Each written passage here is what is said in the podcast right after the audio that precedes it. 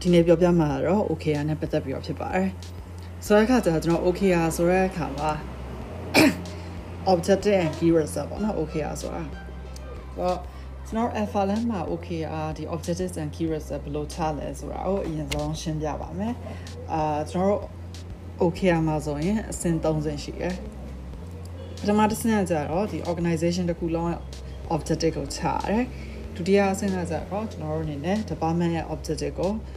organization objective ပေါ်အခြေခံပြီးတော့ချတယ် department အလိုက်ပါနော်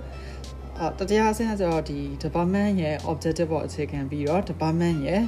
key results တွေကိုပြန်ပြီးတော့သတ်မှတ်တာဖြစ်တယ်